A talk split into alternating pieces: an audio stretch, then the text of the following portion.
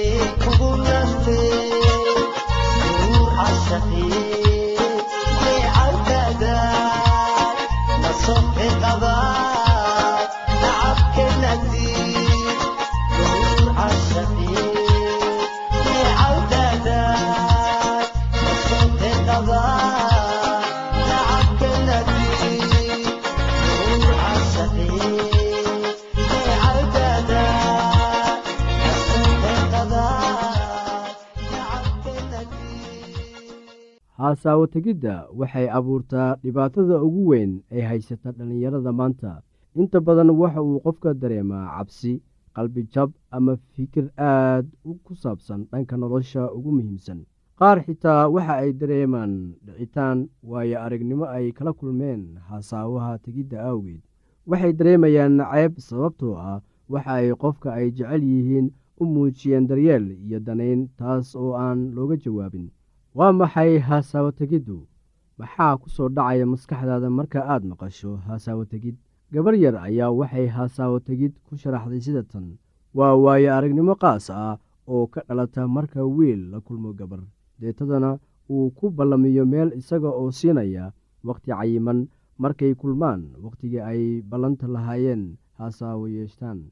Iyada oo uu macnahan sax yahay haddana waxa uu leeyahay micno dheer kaasoo ah xiriir ka dhex dhasha wiil iyo gabar. Waa saaxiibtinimo qaas ah oo ka dhex dhasha laba qof oo kala soo jeeda lab iyo dhadig. Xiriirkaasoo horseedaya is-xurmayn jacayl deetana guur. U fiirso hasaawuhu mar waliba waxa uu la bilowdaa saaxiibtinimo. Runtii saaxiibtinimo qaas ah waxaa laga yaabaa inuu raaco jacayl iyo haasaaw uu jacayl ku jiro inta uu xiriirku korayo. Inkastoo labada qof ee isguursanaysa ay jecel yihiin in arrintan ay gadaal ka sameeyaan. Waxay noqonayaan laba isjecel intii aanay noqon laba saaxiib ah. Waxaa jira heerar uu qofku ku odhan karo. Runtii haasaawahanu wuxuu kobcayaa ama horumarayaa haasaawuhu waa il biyo ah oo ka timid saaxiibtinimada u dhexaysa laba qof oo kala ah lab iyo dhadig. Sida qofku ugu fiican yahay inuu saaxiibtinimo wanaagsan samaysto ayaa sidoo kale waxa uu ku guulaysanayaa hasaawaha. Haddii aad doonaysid hasaawo xiriir hor u kac leh waxaa qasab kugu noqonaysaa inaad bilowdid barashada ah sidii xiriir saaxiibtinimo oo wanaagsan loo samaysto. Heerka labaad saaxiibtinimadii ayaa waxay isu beddelaysaa hasaawo yeelasho. Hasaawuhu waxa uu leeyahay saddex weji. Mid waa hasaawo caadi ah mid waa qaas midna waa joogto. Waa maxay hasaawaha caadiga ah? Waa noocee hasaawo ee aanay la socon dareen qaad ah. Waxaad hasaawahan u samaynaysaa wakhti isku dhaafin adiga oo gabar meel u wadaya sida cashogeen ama shaneemo. Tallaabadan muhiimka ah ee wanaagsan waxay labadiinnaba fursad idiin siinaysaa in si dareen ku dhisan aad isu dhex gashaan oo aad fahamtid sida qofka kale uga jawaabo nolosha. Hasaawaha qaaska ah waxa uu u baahan yahay kacdoon dareen oo xadidan tusaale waxaa laga yaabaa in iskool ama kolleejo ay ka jirto xaflad qaas ah. Marka wiil ayaa waxa uu ka codsanayaa gabar inuu dibadda u wadi karo isaga oo doonaya haasaawid habeenkaas. Haasaabaha joogtada ah waa marka laba qof oo da-yar isku taxalluujiyaan inay haasaawahooda si joogto ah u wataan ama ay caado ka dhigtaan. Heerka gacdoonka dareenkoodu la dhan yahay iyo sida ay ugu go-een lababa way ka duwan yihiin laba. Qaar waxay xiriirka u isticmaalaan sida gaashaan in aanay u dareemin kelinimo heerka saddexaad ee hasaawuhu waa wakhtiga ay isu diyaarinayaan nikaaxa. Wakhtigan isaga ah waa wakhtiga u dhexeeya hasaawaha joogtada iyo wakhtiga nikaaxa. Labadii wada lahayd hasaawo joogto ah waxa ay u wada hadlayaan sidii iyaga oo leh xiriir joogto ah oo waxay u qorsheenayaan waxyaalo ku saabsan arooskooda weli arrintan shaaca kama aanay qaadin. Weli taariikhdii aroosku dhici lahaa ma aanay isla meel dhigin. Mana diyaarinayaan qorshe ku saabsan arooskooda hase yeeshee haddana waxa ay isu diyaarinayaan inay isguursadaan oo waxa ay ka hadlayaan mustaqbalka guurkooda kadib wakhtigan dhexdiisa labada isguursan rabto waxa ay eegaan oo tijaabiyaan dhaqankooda goolalkooda iyo qorshaha mustaqbalkooda. Kadibna waxaa imaanaya heerka afaraad kaasoo shaaca laga qaadayo nikaaxa iyo qorshaha ah inay isguursanayaan. Heerka shanaad ee ugu dambeeya waxa weeye isguursashadii. Horta inta aanan la isguursan waa inuu nikaaxa dhacaa. U fiirso waxaan idhi guurka ka hor waa in heerka nikaaxa la soo maraa. Laakiin waxaa jira kuwo isnikaxsaday oo aan weli diyaar u ahayn inay isguursadaan. Inta badan waxaynu maqalnaa warar ku saabsan guur burburay laakiin waa dhif in la maqlo war ku saabsan nikaax burburay. Hase yeeshee waxaa wanaagsan inuu nikaaxiinu burburo. Intii aad isnikaxsan lahaydeen oo kadibna is-aroosi lahaydeen deetana arooskiinii burburi lahaa. Wakhtiga nikaaxa waxa uu u ogolaanayaa labada isguursanaysa inay ka wada xaajoodaan mustaqbalka oo ay qorsheeyaan wixii ay samayn lahaayeen sannadka ugu horreeya ee guurkooda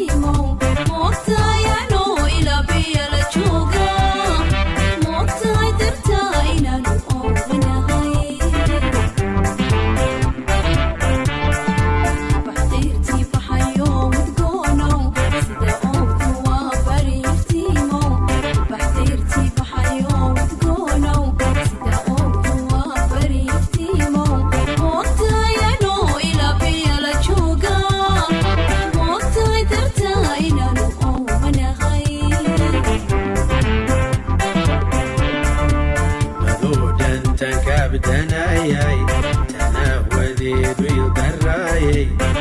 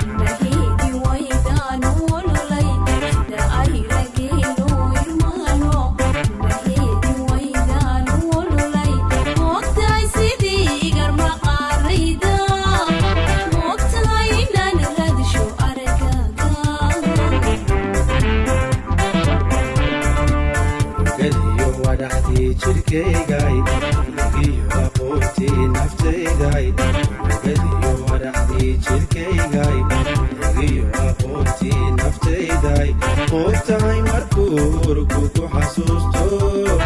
Moogtahay layka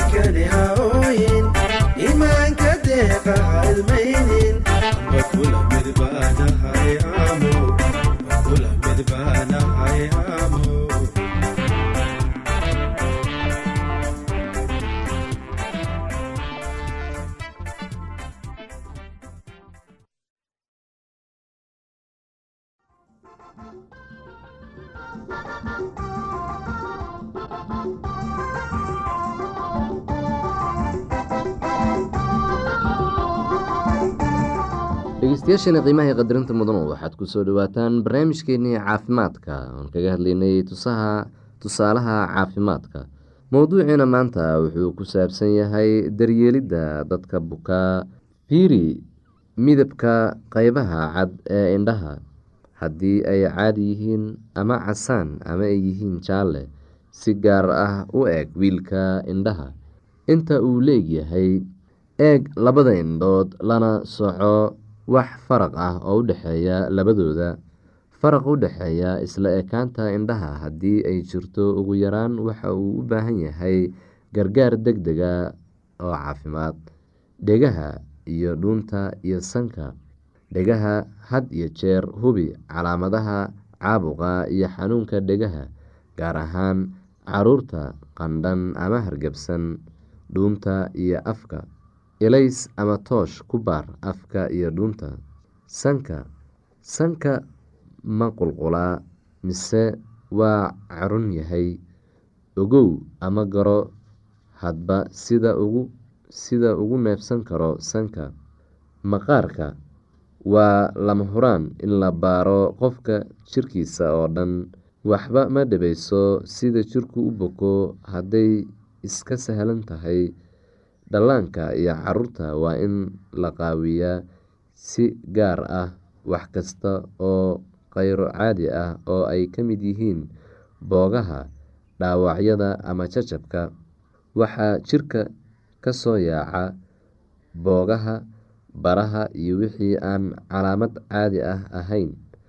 Astaamaha caabuq cas kulul xanuun ama barar bararka qanjiro bararsan kuuskuus aan caadi ahayn tinta oo khafiifta ama buubta si aan caadi ahayn xiribta tinteeda oo buubta caloosha ama baacuuga calooshu haddii qof ay xanuuneyso ku dadaal inaad hesho meesha dhabta ah ee danqaneysa baro ama aqoonso in xanuunku joogto yahay ama mar yimaado marna tago sida calool majiirka muruqyada iyo dareemayaasha.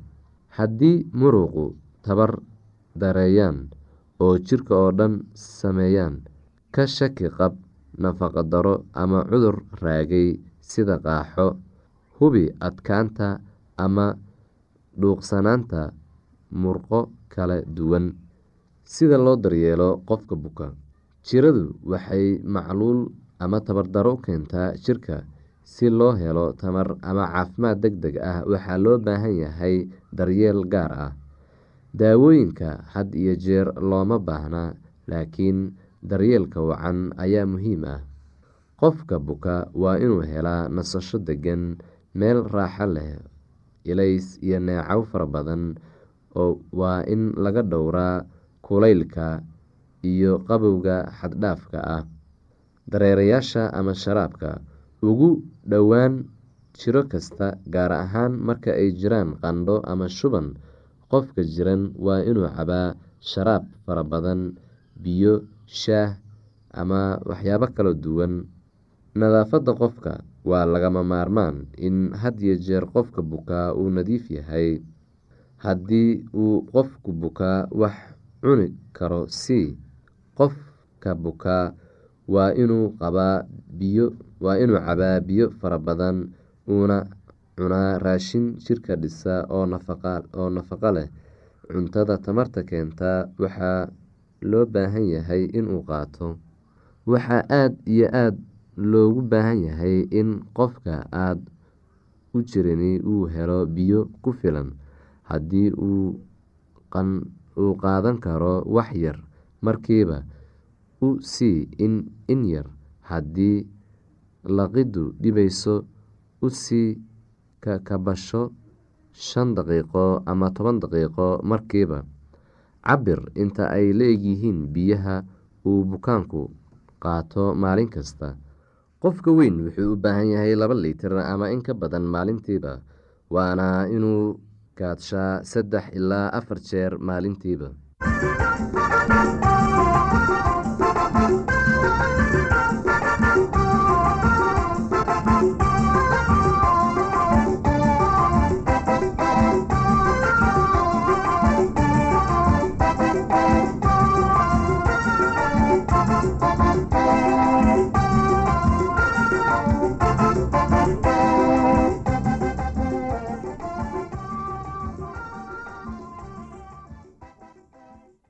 dhegeystayaal ku soo dhawaada barnaamijkeena radio seven soomaali maanta waxaan ka hadli doonaa sida loo qaado ameenbaha ameenbaha ayaa qofka ka galaa afka ama sanka. Wuxuu raacaa candhuufta ama luqmada ama cabitaanka. Wuxuu markaasi tagaa caloosha calooshu wuxuu uga gudbaa mandhicirka halkaasi ayuu degaa kuna tarmaa boogo ayuu u yeelaa mandhicirka dhiigga afkana wuu jaqaa.